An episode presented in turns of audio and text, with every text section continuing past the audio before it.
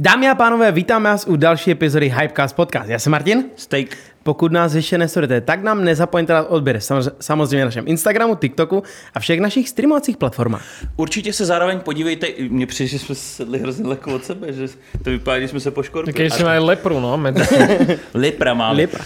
No. Na Hero Hero se určitě podívejte do popisku videjka, protože s každým č- člověkem a hostem, dneska je nějaký to, asi divný rozpoložení měsíce, tak tam vycházejí bonusové epizody a všechny epizody o několik dní dřív. Zároveň vy tam můžete našim hostům pokládat otázky a my se pak na ně o, zeptáme. Tak, hele, radši teď ty. Nicméně Co to tady máme, pořád se můžete podívat a pořád si můžete koupit ve Frutisimu náš drink Hype Sea by Tak ukáž, Hypecast. chvá... hej, hej, hej, wow, wow, wow. Ja ho ochutnám a poviem vám, či si ho pôjde kúpiť, A hej? to je Okay, Dušanko, a to je dámy a Dušan. pánové. No, čau ti, čau. Ahoj Dušanko. Inak som tu. Dneska. Oni sa budú rozprávať a ja budem ochutnávať. My No, jsme dobre. tě chceli pozvat nějak pěkně, víš čo, Kuba má nachystané nějaký, nějaký dlhý text pre teba, ty sa takto... Tak já to zkrátím. Dámy a pánové, Dušan. Dušan. Čaute. No a už som dostal mafinče, ja dneska iba ochutnávam. Ja nebudem nič rozprávať, tak ukáž. Tak Fruitissimo, jak sa volá ten drink? Hype Sea by Hypecast. Hi- hi- Hype? C, Hype? jako vitamín A C. Takže Hype C. Ast. A, a je tam veľa vitamínu C. Ano. Kamo, je Kámo, tam veľa vitamínu C. dobré. Neseš alergický náhodou kiwi, Kiwi. ananas, jabko. Počkaj, ako fakt kiwi, Pomeranč. ananas, citrón, jablko, pomaranč. Nič? Mm, dosť dobré. že jo? Dosť v pohode. No, Dušan approved. Jo, je to fajn. Chce si ešte nakupovať. To by som si re- reálne, ja vždycky idem, keď idem do Bratislavy z Prahy, tak stojím v Brne v onom, v Olympii a tam som videl váš plagát, ale nikdy som to neochutnal a mal som. Aj Jo. ta, my sme aj na Slovensku. Teď už je to jedno. Tak vám treba. No. no, máme na to, No chlapci. a Dušanko, když jsme, když vlastně jsme to nakousli, tak jaký bylo vůbec to tvoje stěhování do Prahy? Ešte skoro vôbec, no ne, že skoro vôbec, skoro to ešte neskončilo. Ja som teraz vlastne pred dvoma týždňami, pred týždňom a pol odovzdal minulý kancel. To bolo také srdce revúce, lebo však tam som bol dobre, že nie polku života. Ale kámo, ten proces... Um, bolo by to jednoduchšie, keby stiahujem iba byt. Ale tým, že som stiahol ešte aj štúdio, tak v kuse som proste dva mesiace, tri mesiace pendloval hore dole, no mal som chuť zastreliť. Hej. To môžem povedať? Můžeš. Dobre. Ale já to chápu, protože já se taky budu stěhovat do Prahy, ne teda takovou dálku mm. jako ze Slovenska, mm. ale já už jsem se radši rozhodl, že si to studio budu zařizovat teď mm. a náš byt ten nám předají, já počítám někdy ke konci roku, takže to pak budu řešit solo. No, Čiže protože- tiež stiahuješ do Prahy aj s bytom. Jo, i s bytom. A, ale jako dělat to najednou, to by mě asi jeblo. Mm. No ja som musel, no. No. A jak se ti tady líbí v Praze? Ako tak je to zatiaľ skoro to isté. Je to väčšie iba, otravnejšia doprava, ale ináč je to skoro to isté. Ja som myslel, že tu máte lepšie vymyslené služby, mm-hmm. ale napríklad objednám si jednu objednávku z nemenovaného shopu s nábytkom a každý kus nábytku mi chodil iný deň. Ja to nechápem. Proste jedna objednávka v jeden deň zaplatená a každý deň mi došiel iný kus nábytku. V jeden deň gauč, druhý deň skriňa, tretí deň Jo, hento. fakt. Jak, jak u debilov. A ja na to kúkam, že more v Prahe ste to nemali mať lepšie. Na čo vám je to metro, keď neviete nosiť nábytok? No proste to je v piči. A ja som úplne čakal, že Dig Metropola tu tak to bude brutálne, ale furt niečo sa takto, alebo Alza. Toto, máte sponsoring od Alzy? Ne, ale to je Od jedno. nikoho, koho chceš. Kámo, tak ja si objednám proste z Alzy. Chodí to zvlášť? Aha. Jednak to chodí zvlášť, to je jedna vec, ale jedna druhá vec. Dojdeme medzi 8 ráno a 8 večer. Tak ja jak chuj, sedím proste v štúdiu 3 hodiny, 5 hodín, že kedy to teda príde a v tom mi oni napíšu, ježiš, sorry, my dojdeme ďalší deň. A ty nemáš Alza Box nebo něco tam? u Tak ale keď máš tých vecí 400, tak nebudeš to do Alza Boxu Však ja som minule takto kúpal tie panely No. a za, zadrbali tým úplne celý Alza box. Takže ja som si Fakt? volal s Kubom a, a ja, že ty brjo, kam to všetko Ja dali? som to je nemohol, 8 lebo my sme objednali telku s tým, že mi to rovno namontujú na stenu. Tak to som nemohol proste No do... jasne. Tak, tak treba tam máš nejakého zeleného mužika, čo ti to namontuje s tým. Áno, áno, áno. No tak som musel čakať, jak, tak proste takto som sedel, jak chuj 4 hodiny v štúdiu, že som si takto, ešte som tam nemal ani internet. Čiže ako som tam, som tam dobre, že ne Subway Surfers neprešiel celé. A zrazu čavo, bolo nejak 3 hodiny po obede, že no my vlastne dojdeme druhý deň. A tak ako idem domov, no. Super. Mm-hmm. Takže čakal som, že to tu máte viac v pohode. Roast na Prahu, kámo. Kámo, já tak. se možná ani stěhovat nebudu, ty vole. Jem na to. Na to hodinu do Bratislavy. No, je tam jedno štúdio voľné potom. Dušan doporučí, skvelé. je, je fakt dobré, je fakt pohode. Ten YouTube button na tej stěně znechal, nebo se to přemalovali? To ja neviem. To, pokiaľ viem, tak išiel tam po mňa asi mister, tak záleží, čo, čo on s tým porobí. Ale mm-hmm. akože bolo to smutné, o to tam nechávať. Abych se s ním domluvil, že bychom to šerli, víš co? Že bych dojížděl do Bratislavy. No jasné, my sme tam pôvodne v tom kancli boli traja, v tom jednom malom. Fakt? Som, bolo ja som tam bol s Gogom a s PP Petrom mm-hmm. najprv. Potom Gogo odišiel, sa tam prebúrala taká stena, lebo ten priestor bol ešte rozdelený na dve, na dve časti mm-hmm. a tam som bol ja a PP Peter ešte. A potom už aj jeho som vyšikanoval, nech odíde. Tak. On proste si našiel svoje štúdio, čiže ja som vlastne odtiaľ vysačkoval dvoch youtuberov. To je jsme mu pěkné. říkat, že tady máme studio. No a choďte opičej. Dušan, já jsem teda koupil novou, ka, nový kancel vedla. Hej, no, Proburáme to. hej, hej, zväčšíme si. No, No, nič- takže tak no. No nič menej, čo ťa viedlo k tomu, že si si založil kvapku? A aký, ako bol celý prebiehal ten proces? Vieš čo, ja som mm, asi ja neviem, rok a po, už to budú skoro dva roky, dozadu som premyšľal nad drinkom, čo ju kantril opicu, uh, kocovinu. Jo. Hej, Lebo my sme začali točiť s Romanom tie alkoholové videá a že kamo to ako nebolo v po... Akože dobre, jedno video za čas OK, ale keď už točíš že 3 za mesiac, tak to už cítiť, že to není v poriadku. A hlavne to ráno potom. My keď sme točili to video, kde sme ochutnávali všetky Tatrany, Hej. hej. Se míchali hlavně, že jo, hrozně. 14 panákov za hodinu sme dali, vieš, toho. sejme. Plus do, jedného, jo, a plus do jedného sme naliali všetky. A kámo, my sme, my sme to, to, skončili sme natáčanie o 8 večera, mm-hmm. to doteraz pamätám, o 8.09 sme nejak vypli kamery a nám do druhej rána sa stupňovalo, jak sme najebaní. A tam už proste to prišlo do takého bodu, že my sme proste ležali na zemi v, proste v tých fat bojoch, vieš čo sú? A my sme proste boli v kokote, že čo to nekončí. že keď si si fakt dal drogy. A ja som si hovoril, že ne, na to musíme bu- buď nájsť nejakú značku, čo robí fakt, že brutálny kanter, alebo urobiť svoju. Tak ja som, za tým, ja som si to začal nejako zisťovať, čo by bolo super proste na kanter opice. Som si googlil všetky možné alkohol killery a všetko to, tak to funguje. A došiel som s týmto nápadom aj za Michalom z Medmonku, že či mi nejako neporadil, lebo však on sa vyzná do týchto zdravo, zdravých vecí. A on mi proste povedal, že kámo, že najlepší kanter na alkohol musí začať už keď piješ ten alkohol a prečo najviac sa hydratovať čistou vodou. A ja, že ty vole, akože tak ale čistú vodu vydať, že brat, to čo je? A zrazu on mi proste um, dal takú dá, dá mi takého chrobaka do hlavy, že ono keď sa zoberie fakt, že kvalitné, z kvalitného prameňa tá voda, mm-hmm. že tam proste není žiadna chemikália na, na, najviac na, nadrbaná, tak to proste na ten alkohol je najlepší kanter proste počas toho. A ja, že hm, to možno niečo do seba má. A potom sme začali tak, ako som začal uvažovať nad takým voľným kanvasom, že proste začneme s tým ako proste s čistou vodou, keby som si robil nejaký svoj produkt okolo toho, ktorý by mal fakt dobrý zdroj. A našťastie ten zdroj bol práve v Čechách, ten e, z tých jeseníku, ten, tá šamanovka. Tak sme za tým typkom vlastne prišli, že či nám to teda dovolí nejako dávať do plechoviek a on, že dobre, kým sa to nedotkne plastu, že je to v poriadku Jo, jo, jo. a ja, že dobre, brutálne. A vlastne sme si našli fakt, že dobrý zdroj tej vody, tak sme to teda urobili ako produkt. A som si povedal, že vlastne je to pre nás taký voľný kanvas, že teraz keď si povieme, že chceme z toho minerálky, chceme z toho urobiť nejaké drinčiky, tak No proste máme super základ. pevný. Hej. Takže sme začali vodou a uvidíme, kam to pôjde ďalej, chápeš? A ako dlho trval ten proces od tej doby, čo ste mali tú myšlenku do toho No tam finálneho toho, tam toho pravidenia? bolo... My sme, to, my sme to začali nejako dávať dokopy na konci minulého roka. Uh-huh. S tým, že potom tam proste nejaké chemické testy musia prejsť, ako normálne chemický rozbor toho prameňa a všetky tieto veci. Potom to stáčanie do tých plechoviek je dosť akože zvláštny proces, čo som v živote nezažil. Uh, trademark a všetko toto, čiže z nuly po hotový produkt, čo by sme mohli niekam dať, to trvalo minimálne 3 čtvrte roka. Akože mm. minimálne. Ale no tak povedzme, že rok a pol celkovo tak nejak tú myšlienku dať dokopy môže byť, že... A kde se to prodává? Zatiaľ ešte nikde, zatiaľ ešte tomu... My totiž to chceme, keď už to niekto zobere, aby to dal aj do Čech, aj na Slovensko naraz. Lebo v Čechách máme veľa záujemcov, čo by to chceli, ale my chceme rovno obidve tie krajiny dať, lebo to je proste strašná škoda, vieš. Zalistovávanie toho produktu, vieš, samo, každú zem. Práve, Zvlášť to no. Čiže my chceme zdlhavé. niekoho, kto to vie dať do obidvoch, ale je to na dobrej ceste, nechcem to nejak zakriknúť. Uh-huh. Čiže verím tomu, že už budúci rok by to mohlo byť... S nějakým že... řetězcem? mm, uh-huh. Ale nechcem nič zakriknúť. no. Jasně, jasně, jasně. Čiže, lebo je to fakt ako zložitý proces. To je najväčší deal, ako my by Hej, sme to hej. mohli nechať online, ale more online si kúpovať vodu v plechovke, diga kysikar. Ale je lepšie to niekde vidieť, lebo kámo, fakt z tej plechovky je to vychladená tá voda, to tak dobre hituje, že to proste musíš vidieť pred sebou. Žádný nemáš, jo, doma nebo něco?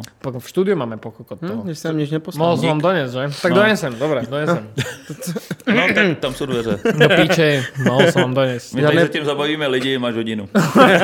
to otočím rýchlo. No, som na to nemyslel, my sme dneska robili veľa s Romanom. Ale donesem vám. A koľko vás je v tom? V tom projekte? V projekte momentálne sme tam traja, s tým, že máme ešte nejakých externých ľudí, čo nám pomáhajú. Jasné. Mm. Ale main akože core sme traja. Každopádně koukám, že to máš i na sobě, ty si dost často vyhráváš se svým merčem. Jo, teraz sme tropli, toto sa z toho teším. Já jsem koukal, že jsi to vlastně dával na Instagram. Je. Tak já jsem se tě chtěl zeptat, uh, co nejzá, jako nejdivnějšího nebo nejzvláštnějšího si udělal jako merch, protože já, jako, já tě sleduju už dlouho, jako mm. na tvůj YouTube, že jo, už jako roky, roky, roky, mm-hmm. tak vím, že jsi dělal prostě hrací karty mm. a teďka vlastně máš ty uh, mikiny s tou nášivkou nebo je, vlastně s tím suchým zipem. Mňa to baví, ja, ja to, to vždycky prostě chcem urobiť nejaký produkt s tým ale čau, čo by som si aj ja kúpil, keby to niekde vidím.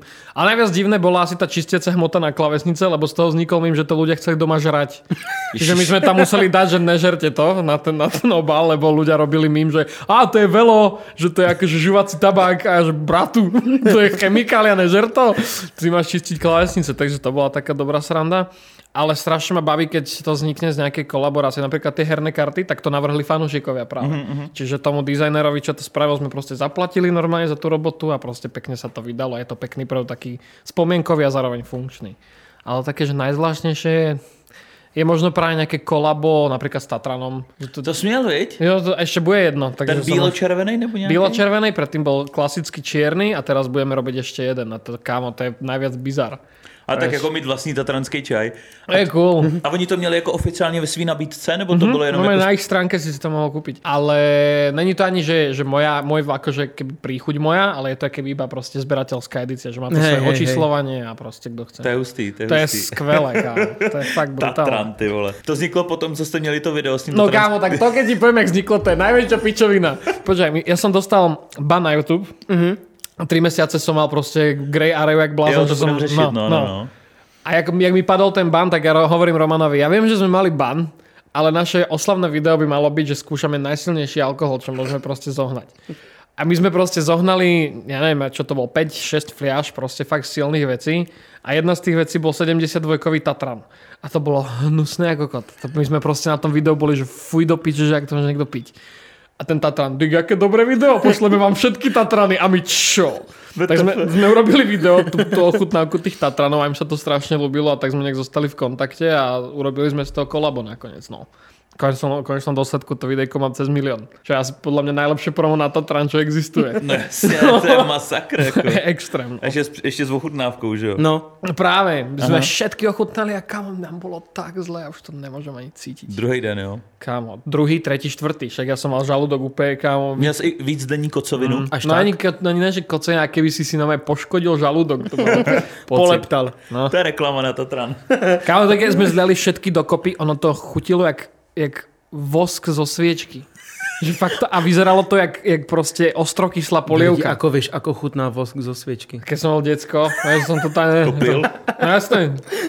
Nechám, to je ako fú. A který merch ti jako kdy nejvíc jel? Když ste udělali a když ste to dropli? Premýšľam, že čo bolo. Akože na začiatku ten prvotný hype bol dosť cool, že za deň asi neviem, 800 kusov ponožiek zmizlo. Mm. To bol mm-hmm. úplne prvý, ale čau merch, čo sme keď dali, tak to išlo také, to si pamätám proste, že som predal vtedy najviac a bol som z toho v piči, že ak je to možné.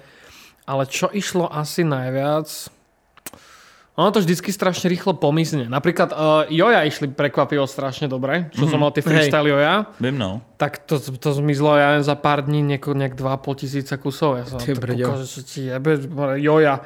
Akože ja som to chápal pre seba, lebo proste ja som sa s tým hrával ako decko, ale nečakal som, že toľko ľudí si to no proste no, pôjde so mnou, vieš. 2,5 tisíci jojo. Kámo, 2,5 tisíca jojí. Tolik lidí ani nedelá jojo, ne? Chápeš? Tak ako ja verím tomu, že niekto si kúpil viacej, vieš, alebo čo? Hej. A koľko tak priemerne mesačne predáš v tom, v tom merči? Ja práve, že v poslednom období moc nemám okolo toho prehľad.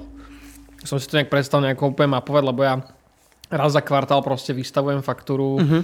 Go Merchu ale že by som mal nejako konkrétne prehľad, že čo koľko mizne, neviem, no. To, to moc to nemám. To sú, sú 3 nebo 4 milióny. to, ne, vôbec, vôbec. Nie, 2000. Skôr jo, mám, ale... mám skôr prehľad o tých takých dropoch, čo robíme. My sme robili teraz klávesnice, tak tie zmizli proste, to sme mali nejakých 500-600 kusov, to bolo za pár hodín preč. Mm-hmm. No.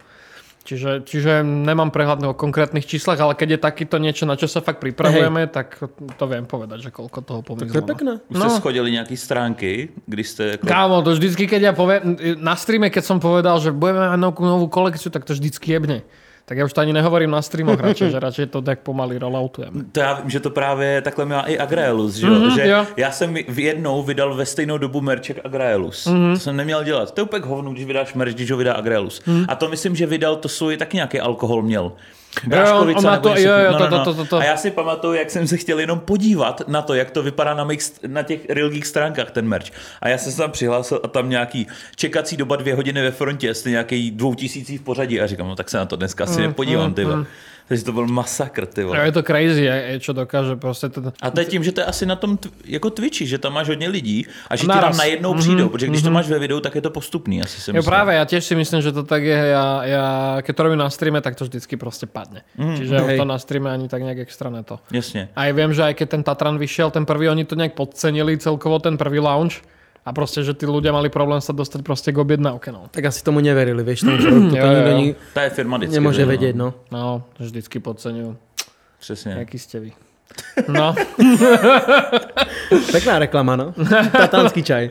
Tak, hrozný to bylo, podcenili to. ne, tak ako my sme robili našťastie tie, čo sú relatívne v pohode. Napríklad tá, teraz sme, ten bielo-červený, tá 22, to je podľa mňa akože taký ten najpríjemnejší z nich. Že to nie je ani silné a chutí to fakt jak, jak proste, keď si urobíš piňa koládu. Len A percentuálne to nové bude mať koľko? Ten Pokiaľ to nový, môže... ten nový by mal mať tuším 42. 80. Silný ideš, hej? No tak robili sme už tú 57 uh-huh. tá išla dobre a potom, jak sme videli 22 tak tí ľudia, že aké sme pusis. Jo, jo. A že hoši, ale tak to má byť pekné, kurva, ne? Že máte sa najebať, vieš? Tu máš 90 napísať. No ináč ako Špiridu robím, ten polský, 92-kový. To mys, já jsem pil 95 nebo 98 líh. Fakt? Ja som jedno To bylo jedno z mých prvních videí, jsem dělal challenge. Challenge tohleto pít. A, a to bylo zrovna v době, kdy tady v Česku byla prohibice. Nice. A, a uh, moje mamka tak pracuje v, v nebo pracovala vlastně v laboratoři, kde dělali tyhle ty věci a dělali jako lékařské věci. Tak nosila Takže domů, tam, víš? Ne, ne, ale že tam měla jako ten, ten líh nějaký No, a no, no, takovýhle no. věci, ten lékařský líh a, a že mi to jako zkontrolovala, že to je bez toho metanolu, že to je jako pitelný, mm-hmm. že to má 95%, tak mi to přinesla. Já jsem zavolal dvou kámošům, měl jsem to v půl litrový pet lahvi a teď jsme si to lili, že jo, do panáku. Nejaké decko, že lol.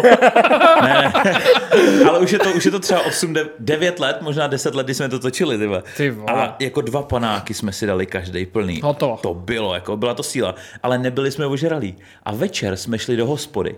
A my debilové, jsme, nás nenapadlo nic jiného, než když šel kamoš uh, jakoby na záchod, tak jsme mu to nalili do piva, že? A pak jsme si to lili do piva vzájemně. Já jsem jel domů, já jsem šestkrát spadnul z kola a to jsem měl dva kilometry, ty vole. No, ja, ja, som, ja, som, tak blbie. ja som videl to video od Cold Ones, kde oni skúšali ten 92% spirit, čo sa práve v Polsku mm-hmm. predáva. A že ono je to samé o sebe neskutočne hnusné, že to fakt chutí jak motorový olej, ale keď si to dáš do nealka, tak to není vôbec cítiť. Fakt? A to je najviac scary na tom, To je vieš? nebezpečný. No, že ty vlastne ani nevieš, že to jebeš do seba a zrazu dáš pol litra len tak. No, presne. No, Zachytka, ty bril. Ja som raz sa napil absintu, akože No. 90... to je Sta- dobro. Stačilo si dať dva hlty a kamarát, že pôjde, zábava, skúsime. Ja, Mali sme ako na vysokej a na výšku hovorím, OK, tak som si dvakrát A viete, že absint je akože Halucinogen. halucinogen. Hej, hej. No. Však preto sa volá zelená vila. Áno, áno, áno. Že to pil každý umelec, on je v určitom období. jo. No. A tady vím, že v Česku jsou nějaký absintérie tady v Praze. Áno, áno, A Jo, že ti je to, tady, no. Že ti to cedí přes cukr nebo něco. Ale áno. oni sú ešte takový tie rôzne fontánky na to. Pre ako, pokud chceš veľa speciálne týchto- absint, tak na to sú fontánky. Áno, to, áno, no a to veľa právě týchto, přes cukr. veľa tých podnikov, čo ty si povedal, to tu práve fejkuje. Že tam le- lejú ten klasický proste, čo kúpiš všade Jasne. možne, len proste marketing je cool. vieš. Kamarát takto lietá práve že do Japonska a že v Japonsku bol, tam bol nejaký bar a že to majú český absint. On že, to je od nás, Česka. On že ty si z Česka?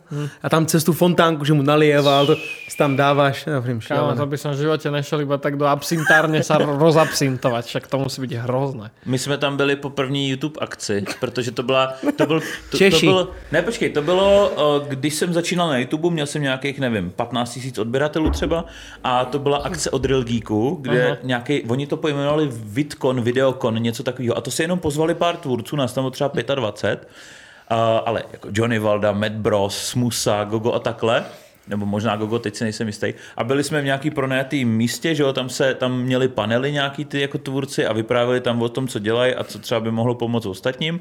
A právě uh, den předtím, tak jsme spali u Proupa. To byl týpek, co jmenoval Proup a vím, že tam za náma... Proub? Propoho, myslím, že to bylo. Je A pro PH, je, že proub. Ne, ne, ne. Kamo, to je ako fu. No a právě on, on to, že jo, on uh, chtěl točit taky nějakou challenge a byl tam Fimlar a byl tam smusa. A oni točili challenge, že vy, vypijou jako na ex půl litr rumu nebo vodky. A oni se vždycky napili a dělali.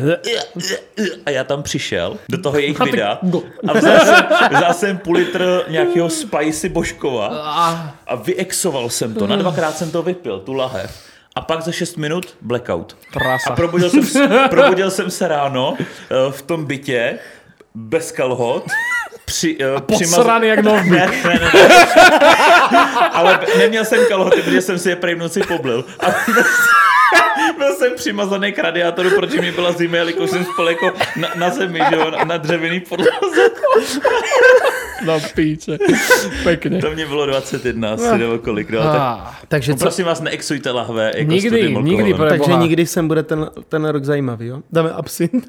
Ty vole. Ty jo, absint A do dáme, dá, dáme S ten Dušanom. Tatran, Ja to dám, Dáme ale Tatran. ako, mňa Roman veľmi vytrenoval za posledné roky, akože s chlastaním hoši, takže to On bude... paradox, já nepijem, takže keď jsme No boli, tak ty si piči, dávali kámo. si na, To nakoniec jsme Vybavíme si, ho, normálne poje do hoven. No, dva. Počkaj, to jsme, to jsme robili teraz, na Vianoce jsme dávali tu, s Bendrom jsme natáčali Áno, áno. a jsme exovali gin.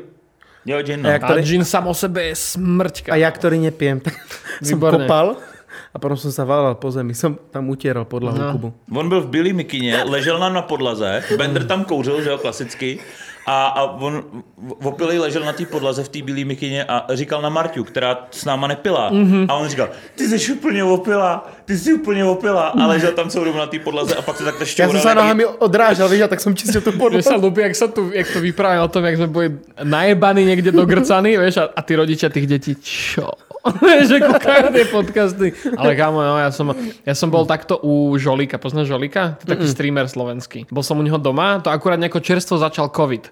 A mali sme drunk stream, že sme hrali proste keby niečo jak Monopoly, len proste s alkoholom. A ja som do seba proste jebal pink gin, lebo to proste som nevedel, kedy stačí. Však Tak- ten jsme taky měli. No, No, no, no, a, to keď dá, a do toho keď dáš rosé tonik, tak to ani nevieš, že piješ alkohol. Ja som to do seba jebal jak blázon. A zrazu do miestnosti došiel čavo, neviem, či to nebol Devi alebo kto. Ne, Žolík mal nejaký telefonát a vrátil sa do miestnosti a že hoši, je dosť možné, že ja som bol s niekým, kto má COVID. A, a to bol prvýkrát, čo ja som mal takýto nejaký encounter, vtedy sa neriešili ešte testy, to bolo Hej, fakt hej, čerstvé. Že f- fakt z tej choroby bola iba panika. A, my, a ja som v tom momente som cítil, jak mi všetok ten gin hitol do hlavy. V momente som musel ísť na hajzel a normálne som blackoutol. Prvýkrát v živote som blackoutol na hajzli. Mal som bielu mikinu, jak ste vy hovorili, a zobudil som sa na to, jak mi takto teče vlastná. Po tej bielej mikine. Takže som si ju mohol dať akurát tak dole a zahodil som ju do koša vonku. Já, jak jsem, jak jsem vyexoval ten půl litr rumu, tak jsem se snažil spolknout gumovou kachničku. No. A to, se, to bylo v době, Potom jsem, vo fruity si mi máte. bylo v době, kdy jsem nezvládal spolknout ani prášek. Ty, vole, takže, takže sranda. No každopádně, aby jsme se z tohohle z toho dostali. No, poďme ďalej. Grcky sú veľmi zle. Tak eh, ty se teďka vrátil vlastně k sbírání Pokémonu, začal jsi to i otvírat, tak eh, co tě vedlo k tomu se do toho vrátit a jako máš nejvzácnější kartičku? No ja som, ja som obja... No akože ja som nejako tie kartičky z detstva si nechal, ale tak všetky sú v takom stave, že by som dostal PSA 2. Takže, ale, ale už si nespomínam konkrétne. Áno, viem. Uh, oslovil ma Off-Trend Club, čo je vlastne shop, odkiaľ dostávam boty a takéto proste. Mm-hmm. A ten istý typek, čo rieši ten shop, tak vedľa toho off-trendu má, má, má proste shop s Pokémonmi, ktorý rieši, ako nejako marketingovo a ma tam zobral sa pozrieť. A ja, že ne. Nerob. A tam mali všetky tie edície, mali tam ešte staré Sword and Shieldy a nejaké tieto veci, Aha, XY, všetko. A že ne, to ešte furt sa rieši do piče, nerob mi toto. Tak som si tam hneď nakúpil asi, ja neviem, za 100 eur alebo koľko, proste tie, tie tinky pokebalové, hey, Pokémon hej. Go. Bola tam so mnou ešte Šárka, priateľka. Tiež si niečo kúpila, došli sme domov, začal som to otvárať a padli mi tam proste nejaké... Radiant Charizard mi odtiaľ padol Aha, a aha. Urshifu Vemaxovi zlatý, krásny a Jo, jo. čo tie, to je tak pekné. A opäť som sa mi vrátilo to detstvo naspäť do hlavy, no tak na druhý deň som tam išiel nakúpiť už znova a už to bolo piči a zrazu typci, že, že no, že tak po- po piči, že, že kľudne ti nejaké budeme dávať peky, keď chceš, že, že one, a ja, že čo zadarmo Pokémoni? Bratu, daj. Bratu, daj mi to do huby. No a už som išiel, už som kúkal, túto card market som mal otvorený, Pokelektor a všetky tieto kokotiny už som mal pootvárané a som do toho spadol jak blázon. No a a potom som, potom, uh, som bol u Feláka, ktorý tiež má nejakú väčšiu zbierku. Mm-hmm. ale, ale sa niekam tuším stiahoval alebo niečo a dával mi proste nejaké, nejaké jeho kartičky a medzi tými kartičkami bol Ancient Mew, mm-hmm. čo bolo promokarta na film v roku 2000 v Amerike, proste taká fakt, že krásna karta, tak to mi dal a ja som to kúkal a na, na eBay okolo 200-300 eur. A že čo ti jebe, tak dík. Takže to bola vtedy moja najzacnejšia karta. Ale teraz z tých gradovaných, ja som si poslal na PSA do Ameriky. Máš tam gradenúť. deviatky, že? Pár ich tam máš. Čo to? Deviatok tam máš Aj, pár. des, aj desiatok tam mám pár. Hej. A medzi nimi tam tuším toho Zapdoza z base, z base setu. Fosil, no. Ne, ne, ne, to není fosil. Zabdos? Zapdos. Myslíš ty starý původní? Úplne prvý. Tak to je fosil. Zabdos je fosil a pak Team Rocket. No a ja som to otváral z base setu, ale druhého reprintu. Tak to možná, no. To ne, nevím, Máš, máš, jako prvý, ma, dvojku. asi, máš že? úplne prvý print, čo má ten first edition Ja uh, viem, no. ony stamp, tak uh, ten nie, potom je Shadowless, tak ani ten ne a potom ten tretí reprint. Teda Mhm. druhý reprint. Tak odtiaľ. Já ho otevřel z fosil, no. Zabdos Hej, a, a ten istý art? Lebo ja mám, to nebude asi ten istý art. No, je to ten Zabdos, jak je vlastně, že jo, klasický žlutý, že jo, a, a má za sebou takový to jenom Ty blesky. pozadí. Jo, a tak potom možno je bol dvakrát. Hej? Je hen-. V normálním není Zabdos. Není? Není, není. Je jenom, je jenom myslím, že tým Rocket Zabdos a je, je fosil Zabdos. Já A tak, ja otevřel tak, ja, tak insert klip možno sem, lebo ja som to fakt otvoril z baseu. Jo? Lebo ja mám aj video, jak som to otvoril. Aha, aha. Chápeš? To je jedno, je to, To je proste jedno. zavdos. No tak ten je gradenutý na devinu, tuším, a ten je nejak z nejakých 300-400 dolárov. To no. jsem tam poslal taky teďka. No. Já jsem právě No, teď poslal tak to. přes 40 karet jsem poslal, ale já jsem, já jsem do těch Pokémonů spadnul asi před dvouma, dvouma a půl rokama, Mm, třema rokama, že jo, hodně jsem, každý týden jsem dělal video a právě jsem otvíral i ty staré balíčky, ty původní, teď bych se už asi spíš nechal, ale v jednom mi padly uh, no symbol holokarty, Mhm. to znamená, že to tam je jako chyba v tisku a byl to holo uh, Victor Bell a holo, ty vole, nějaký Clefairy nebo Clefable, že jo? Môže byť, no, OK. A ty mě padly, ty Clefable nebo Clefairy, ty mě padly asi tři nebo čtyři holo. Dragonite holo mě Do padnul. piči. Toho ja chaseujem, ja, Dragonite z každej série proste chcem chasenúť a do piči mne nepadajú. Ty Ale já jsem to poslal na grading, takže třeba to bude PSA 910, tak pak se nějak lidi No, domluvíme. hm, dobre, dobre. No, no, ja, to, ja v tom nejsom až tak zažratý, že mega dlho, však teraz je to čo viem, nejaký rok alebo čo. Ale ja napríklad som strašne v piči z tých nových kariet, jak majú krásne urobené tie, tie arty. Tie dizajny, no. A tie dizajny a to spracovanie tej kartičky, že kamo, čo narvieš na taký kus papiera, že Jo, aké jo. to je pekné, vieš. Takže to je, to je insane. No ale to z toho gradingu ja som mal stres jak blázon, lebo ja som tam poslal tie plechače z toho UPCčka celebrationového. A bola veľká šanca, že vám to celé pošlo naspäť. Lebo nebolo jasné, že či to fakt už znova gradia. Jo, ty plech, jasně, Jo. no. A oni, oni proste ich prestali gradiť na určitý čas. Ale pak to zase a obnovili. potom to zase obnovili, lenže my sme nevedeli, že či to je fakt tak, čiže sme 3 mesiace čakali, či nám to nevrátia naspäť, že to nechcú gradiť, ale našťastie to gradili. No. Já doufám, že mi to stihne přijít před Vánocem, že bych to chtěl natočit právě v prosinci, jako, jako dva, tři týdny zpátky. No, to už bude mesiac plus minus tomu dojde. no, tak my sme to čo v júni a došlo to v září. No. Uvidíme. 3 hele, mesiace ceca. No, uvidíme, tak když tak to bude v lednu. Koľko už tak narval peňazí do tých Pokémonov? Koko, dosť. Ale tak našťastie ja s tým shopom robím. Shoutout Cardverse, díky. A, ale narval som to, ja to asi ani nechcem vedieť. Radšej.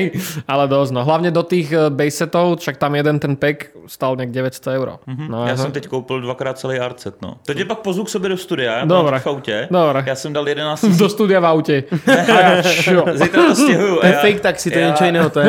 Já jsem dal teď 11 tisíc euro do těch základních Ty arcetů. si kokot, kámo. First edition heavy mám různý, jako, takže teď ti pak ukážu. No aby ťa neojebali, to sú na, na, na tých ne, sa ne, ne, to je, to je ofiko. Ano? Jo, jo, jo, to se neboj. To mám různých jako aukcí a pak to mám od lidí, co, co Čo znám, že jebe? Tak ty si deep deep, ja tam ešte nejsem. on je akože šialenec v tomto. OK, tak to nič, tak tam ešte nejsem, ale to príde. To, To príde. přijde. Hele, Počkej to, rok. jestli to u toho zůstaneš, tak to. Jo, jo, Já jsem taky ze začátku tohle nekupoval, že jsem měl několik partnerů, se kterými jsem řešil Pokémon videa a jednou si to otevřeš a pak už nechceš nic No jiného. práve, práve. Ale já to mám teďka tak, že jsem poslal těch hodně karet do toho gradingu a nechám si jenom pár a zbytek jako zkusím prodat mm-hmm. a aby se mi vrátili nějaký ty peníze. No. Mm-hmm. Věřím, že jestli mi tam dá PSA desítku toho Dragonite Holo Fossil, tak No tie je... staré, kamo, ja neviem, ja som napríklad poslal, my sme tam poslali jednu tu Clefairy, tiež som mal, alebo tiež možno Clefable, nie som si istý. Mhm. Mám jednu holo mi padla a tá vyzerala, že bude ten out of ten a bola proste devina, alebo osmička. Niečo od...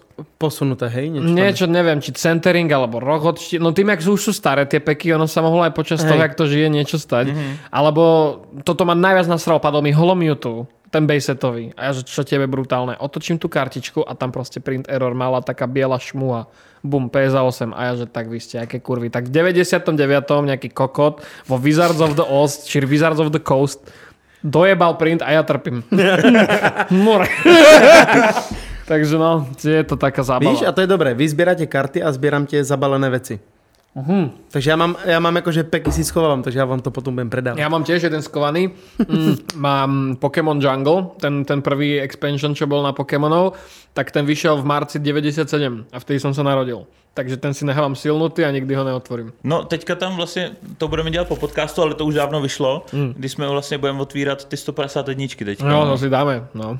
Mám tu kolektors, že jo, tam tu Padá z velikou. toho pekný kokot, kámo. Jo, nepadá. Nepadá z toho nič. Už si otváral, hej? Jo, asi mŕte už, čo ja viem, 3 ETBčka, jedno UPCčko celé a random nejaké boostre, čo proste, to ináč nechápem, prečo robia niektoré shopy, že 151 americké nemajú singlače. Mm-hmm. Ale veľa shopov rozbaluje TBčka a, A dávají tam solo Hej, na jo. No, no, no. no, takže zmrdí ste. A, ale z tých japonských proste padá viacej, no bohužiaľ. Ale tak potom sú aj menej vzácne, no. Mhm. Um, hm. Každopádně, když se odprosíme od těch Pokémonů, No. tak ty jsi taky technologicky nadšenec, že děláš Jo. různý ty review, že jo, a, a ty unboxingy, mm-hmm. tak eh, tady by mě zajímaly dvě věci. Co nejdivnějšího jsi otevřel mm-hmm. a, a co nejdivnějšího, nejdivnějšího si vlastně recenzoval. Kamo, tak napríklad uh, Razer respirátor, to je ako... vypadá dobře. Vyzerá dobře, ale kamo, na čo? Reálne to je, to je strašne otravné sa o to starať, vieš? Hej. Ono, ja som si to zobral, ja som bol na, na tom WWDC, čo bolo vlastne vonom v Barcelone a tam ešte boli prísne akože covid restrikcie, tak som si tam zobral ten respirátor, kámo. No, ono to musí byť nabité, aby tam tie vrtulky niečo robili. Keď sa ti to vybije, tie vrtulky sa netočia, takže sa to mlží a je ti v tom teple ako kot. Musíš si v kuse meniť tie filtre, ináč to proste je funkčné iba deň alebo tak. Mm-hmm.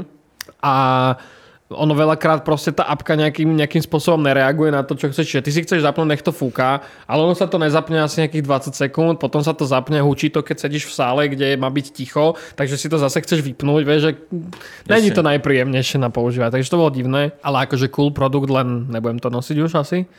Ale Apple Hadrik je dosť vtipná vec. to viete, že existuje? Nie. Apple vydal svoj Hadrik. To neviete? Kolik stojí? 20 dolarov. to nevieš, že existuje? Apple má svoj hadrik, ktorý je konkrétne robený na Apple Pro Na Display. čistenie pro... Na Apple Pro Display, ten, čo má ten uh, matný Jo, coating. jo, tak na pro display, hej, ja No, si... a ten stojí 20 dolarov. Tak to som recenzoval a dostal som na to žltý dolar.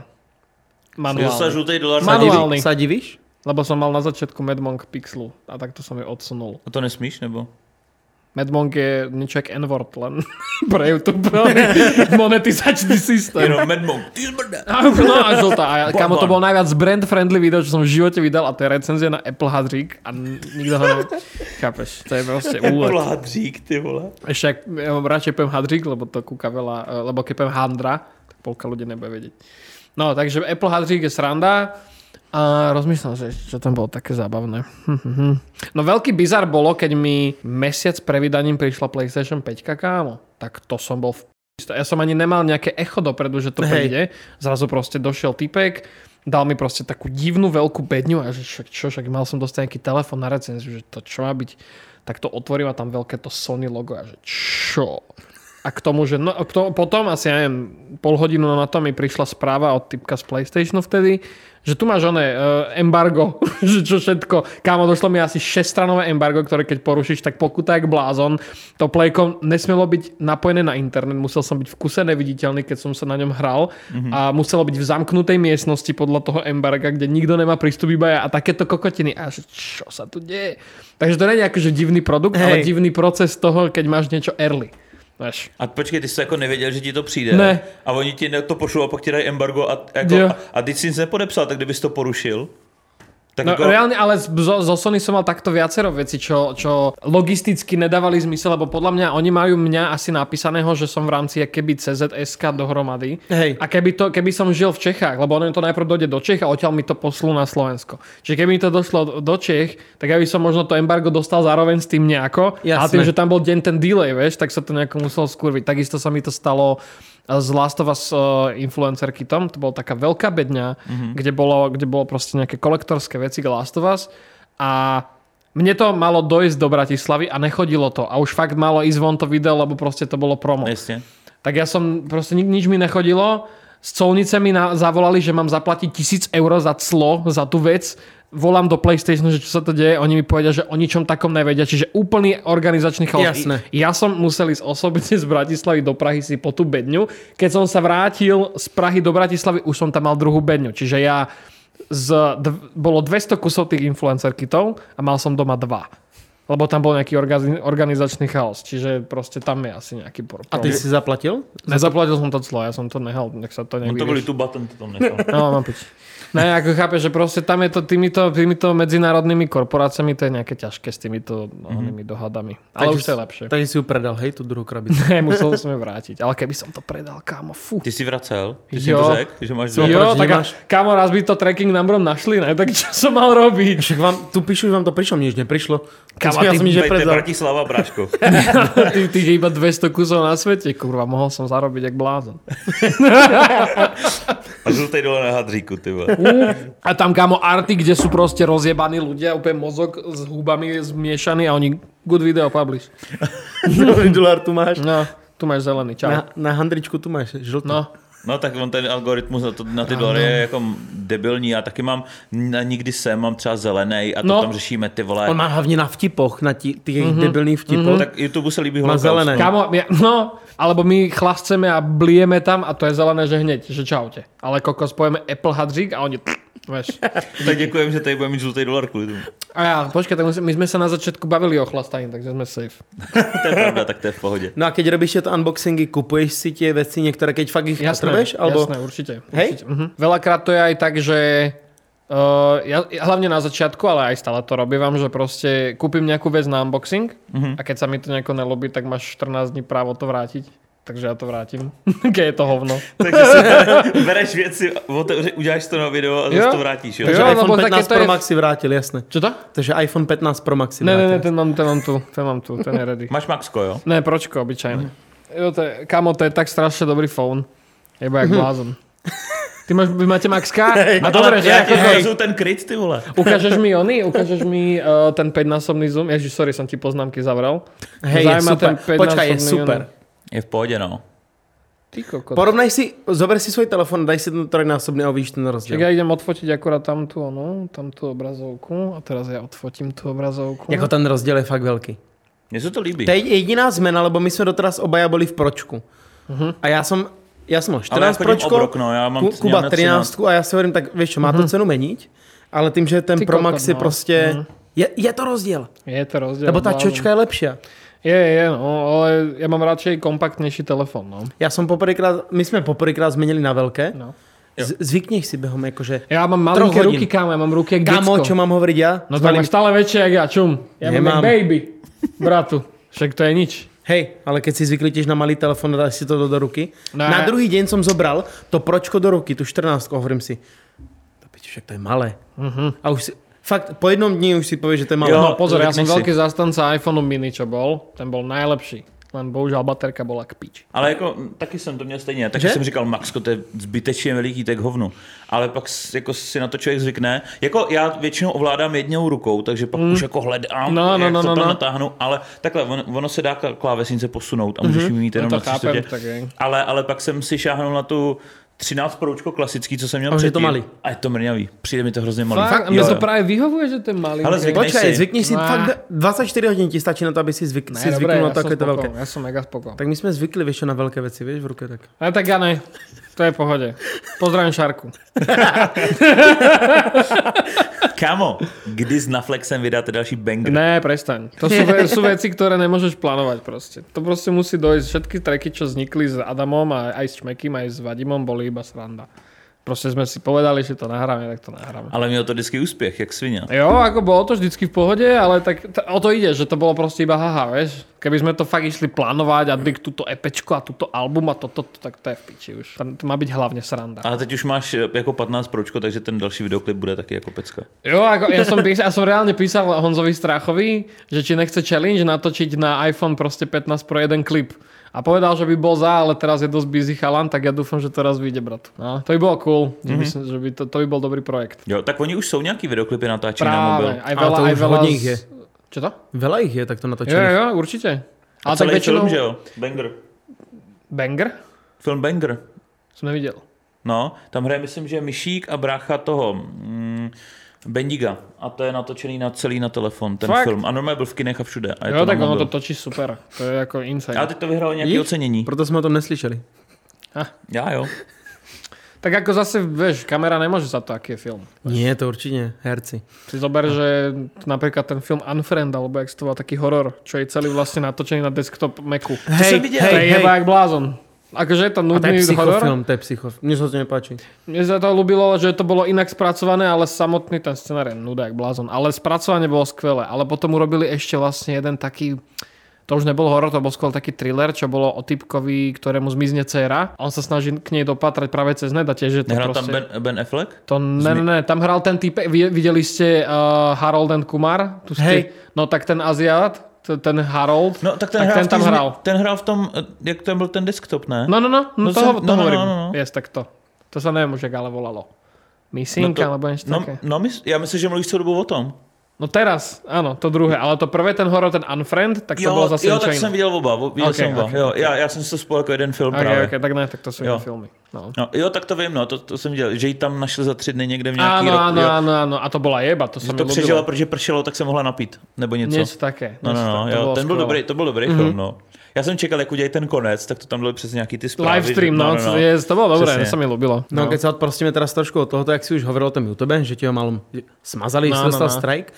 Vlastne kvôli čomu to bolo? A ako to vôbec potom pokračovalo ďalej, potom čo ti ho uvoľnili? No prvý strike, uh, takto, ty vždycky dostaneš prvýkrát iba warning, ten mm-hmm. som dostal strašne dávno, už ani neviem za čo. No a ten dostaneš jednou už se ti Jo, nesmůže. a ten ho tam máš navždy, proste jeden warning na celý kanál, máš ho tam navždy. Hej. Potom keď dostaneš 3 strajky komunitné, tak ti máš ho kanál. A môj prvý strike bol za video, to bolo tuším Ondru Vlčkovi, kde po tom podcaste, čo som s ním mal, tak ja, on na, začal zase točiť hovna, tak ja som si proste zobral, že zoberiem si video, že sa k nemu vyjadrím, nech mi s tým ľudia dajú pokoj. A ja som to video začal tak, že som mal takto baseballku a proste som si mlátil o ruku a že no Ondro bratu, tak čo?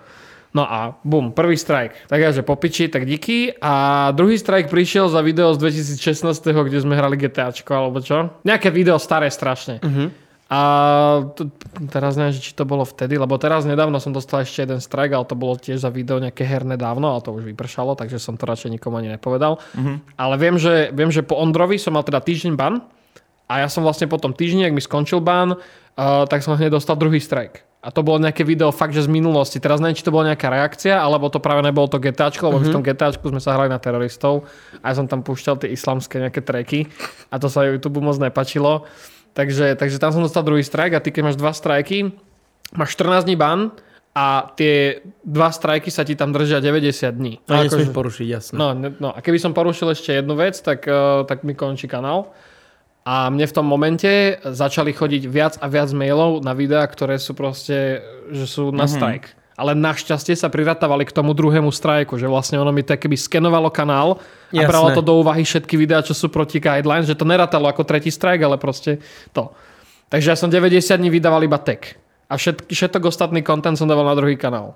Uh-huh. No a takto som to nejako prežil. Ale bolo to fakt, že ja som sa bal každého mailu, čo mi došel. Fakt Jo, to věřím. Já jsem to tady říkal, právě teď ne, s Moonem možná mm-hmm, Mhm, jsem to řešil, že právě ty, jak, jak zaslal ty strejky, tak já jsem zrovna v tu dobu chtěl natočit video na Fiziho, kde jsem chtěl jako takhle dělat rukou, že? No, tak to by si velmi rychle A ty skončil. zprávě, a ty zprávě vydal to video a já jenom, to bylo třeba jako ten den jsem to Mhm, chtěl točit a jenom, OK, tak jo, dobrý. Já jsem taky dostal pár strajků.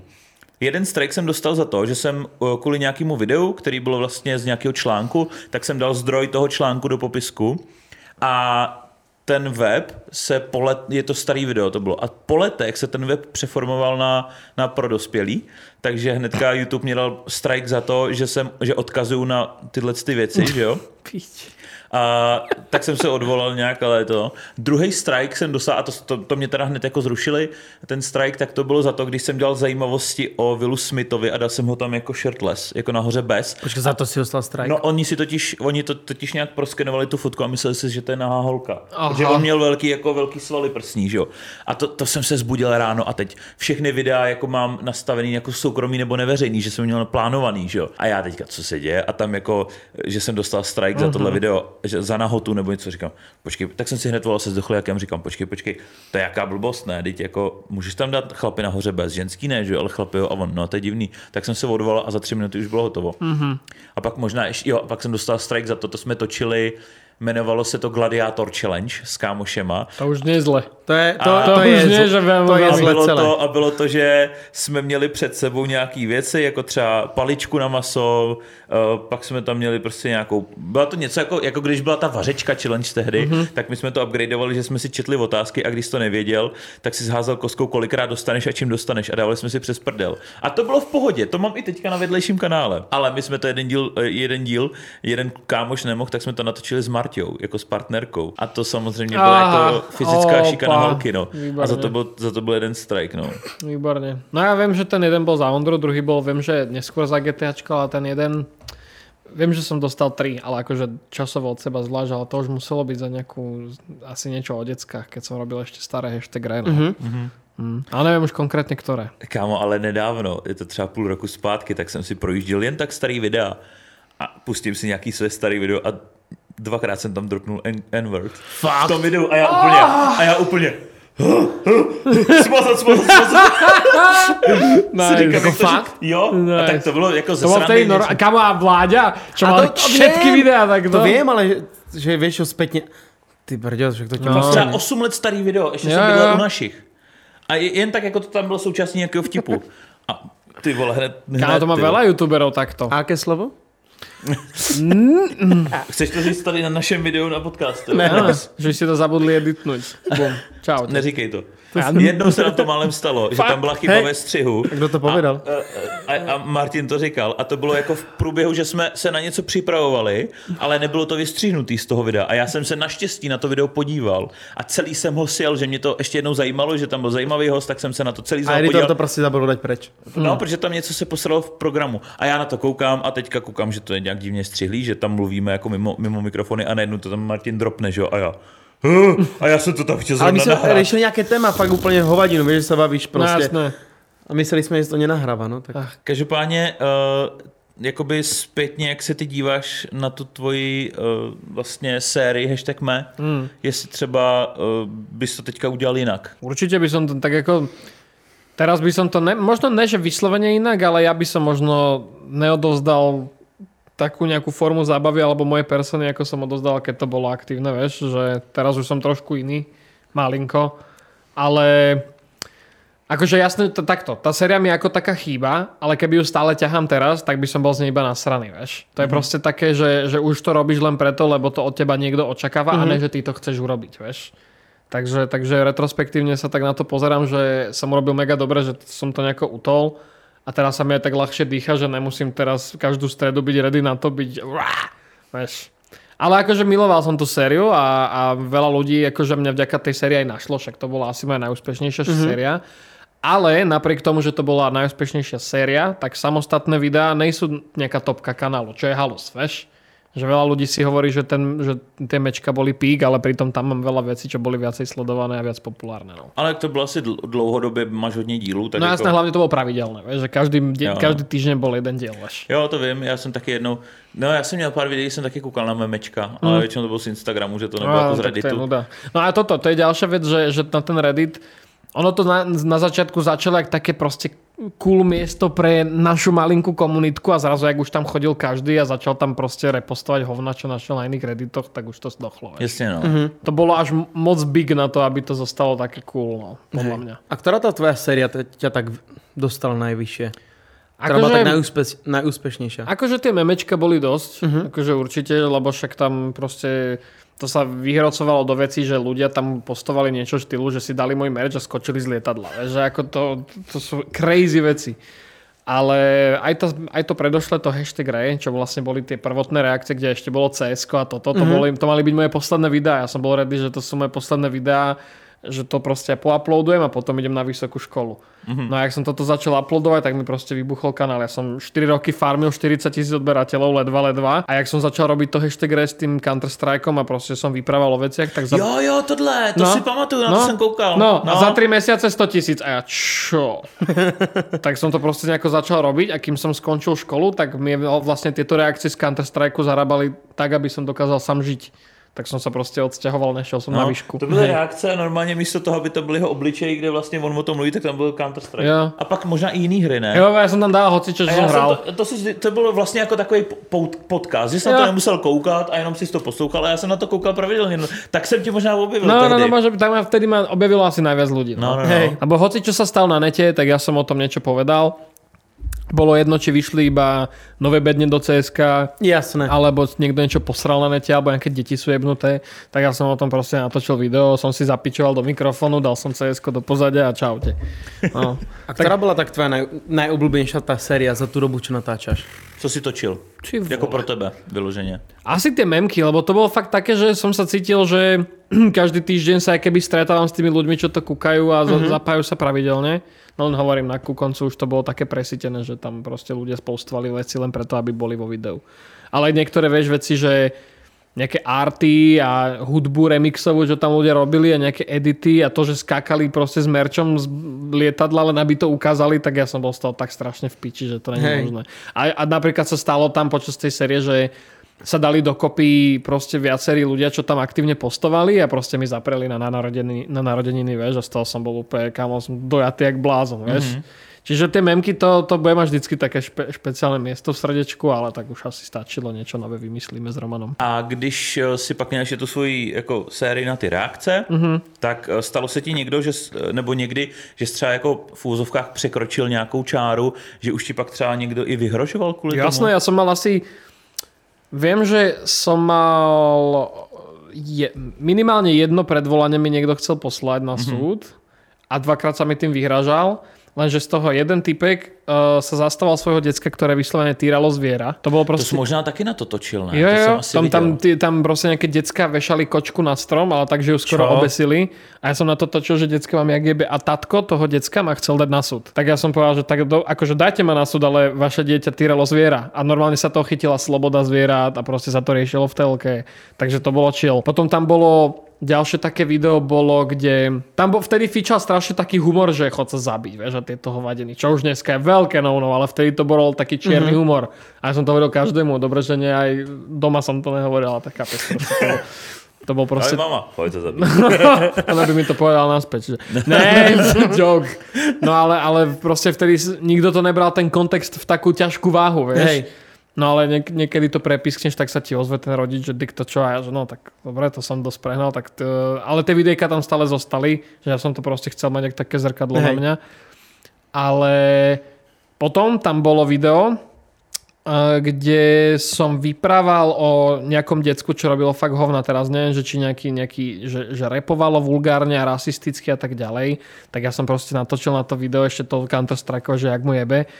A rodič toho decka volal mne do školy, ja som bol v maturitnom ročníku, volali ku nám do školy, že to čo máte za žiaka, že to čo točí za hovna a mňa chceli vyjebať dva mesiace pred maturitou zo školy kvôli tomu. No. Tak, som, tak som došiel do riaditeľne a musel som strašne repovať, že, že toto ne, že dva mesiace pred maturitou ma vyjebať zo školy, to je halus. Takže to, bola, to bolo dosť cool. A ty si vlastne potom ešte riešil niečo s tým Markusom, že? Že on do teba... Jo, to bolo teraz nedávno. A tak kámo to, To jsem viděl ten videohovor, To bolo to bylo? strašné. To ako, a on mi hlavne nedal pokoj. On mi 3 dní nedal pokoj, vypísal. Ja by som vám kľudne, ja vám môžem potom kľudne vy, no, ne, ukázať DMs alebo čo. No.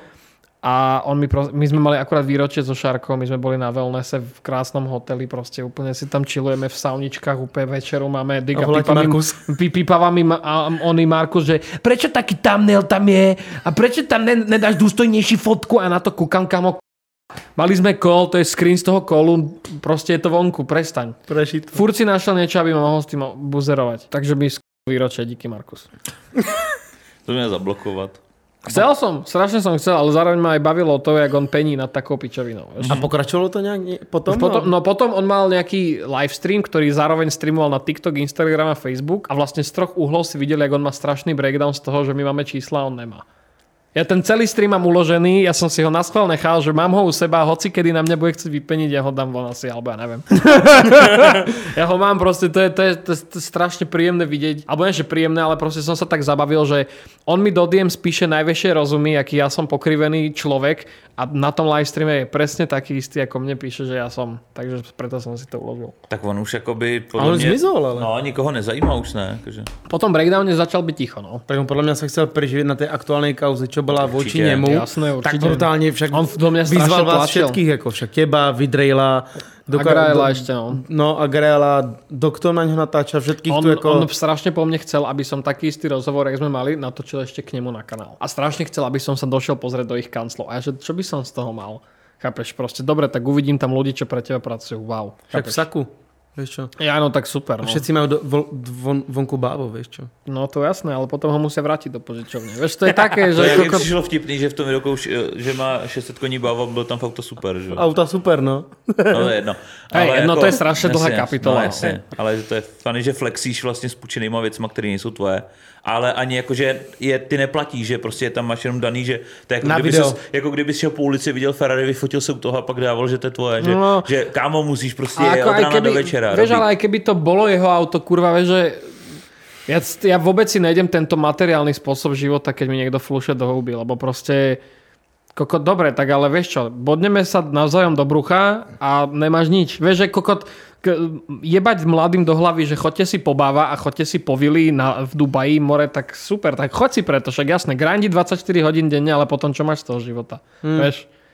Aj tak sa ti najviac zabavia tí kamoši, čo išli niekde na vodu, alebo išli do hor, alebo na chatu, vieš, že strašná pičovina podľa mňa. No jasne, no. Mne sa páčilo, jak vlastne najvtipnejšie, kto sa k tomu vyjadril, bol vlastne Fety.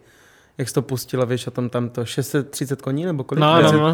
No a Fety, se- 720, ja som tu v trenkách. No, presne, že to sú také plitké kokotiny, vieš, aj, aj to, že mi do mňa išiel ten Markus taký, že, že ja žijem nejaký, že som nejaký pokrivený človek a že proste lenivý a neviem čo všetko. A, Ožráňa. a ja to tak sedím, že kamo, jo, a zajtra budem znova. Proste, čo, čo si myslíš, že ja teraz ako budem plakať a poviem ti, no Markus, odpust mi, že som taký. Kokot. More. Jasne. No, keď než si prišiel, tak sme si tu ešte dora- dorábali pár otázok. A Mm. napadla ma jedna otázka. No. Čo by bolo, čo máš ty v hlave, že by si vždycky chcel, aby sa ťa niekto opýtal, ale nikdy sa na tú otázku nespýtal. Ty by si nejú chcel odpovedať. Ty vole, neviem. To asi ani nemám. Bolo niečo, bo, bolo niečo niekedy, čo sa ťa nikto nikdy nespýtal a chcel by si tú tému rozobrať? Ty vole, neviem. Alebo si Premýšľam. otvorená kniha, vždycky rozprávaš o všetkom. Tak ja väčšinou, ako tým, jak proste aj streamujem, tak mne tam padnú väčšinou také otázky, čo ako som rád, že sa ľudia spýtajú. Čiže nemám asi, že by som vyslovene mal niečo, čo som ešte niekomu nepovedal, vieš. Mhm. Mm-hmm. Takže za mňa asi ani ne. Mne, napríklad teraz ten live streaming, mne sa strašne ľúbi na tom, jak sa dokážem vykecať. Potom som do, doma taký divný, lebo iba tak sedím a ne? Že jo, No. já to mám po tak, podcastoch. No. že No. partnerka vždycky, ty mi nic neříkáš. No, no, a no, říkám, no. Ty jsi já mi to neřekl. A ja, no. Já říkám, teď jsem, teď jsem 6 hodin mluvil. Jo, presne, presne, presne. Čiže ako to, to, také, že som nevykecaný, to asi ne, no. To, to asi ne. Hej. Hm. Super. Paráda, tak jo, děkujeme, že jsi dorazil nám děkujeme do moc. podcastu. My se teďka přesuneme na Hero Hero, kde máme otázky od vás, eh, co vás zajímá vlastně na Dušánkovi. Takže děkujeme, že jste se mrkli na tenhle ten podcast. Eh, Určitě se mrkněte i na Fruitissimo, Dušan, Dušanko Approved. Jasne, je to v pohode, dajte si. S tatranským čaom najlepšie. Ty, No. fuj, ty. Pokud se chcete zgrcať. tak jo, Dušanko, ještě jenom děkujeme, že jsi Ďakujem dorazil. Ďakujem za pozvanie. Mějte se hezky. Ahoj. Ahoj.